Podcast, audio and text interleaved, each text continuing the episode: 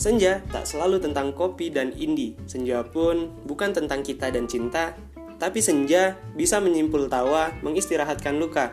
Dan bersama gua, sekali dalam setiap minggu, mari kita tertawakan senja sambil nunggu waktu maghrib. Bersama gua Arif, selamat datang di podcast Nunggu Maghrib.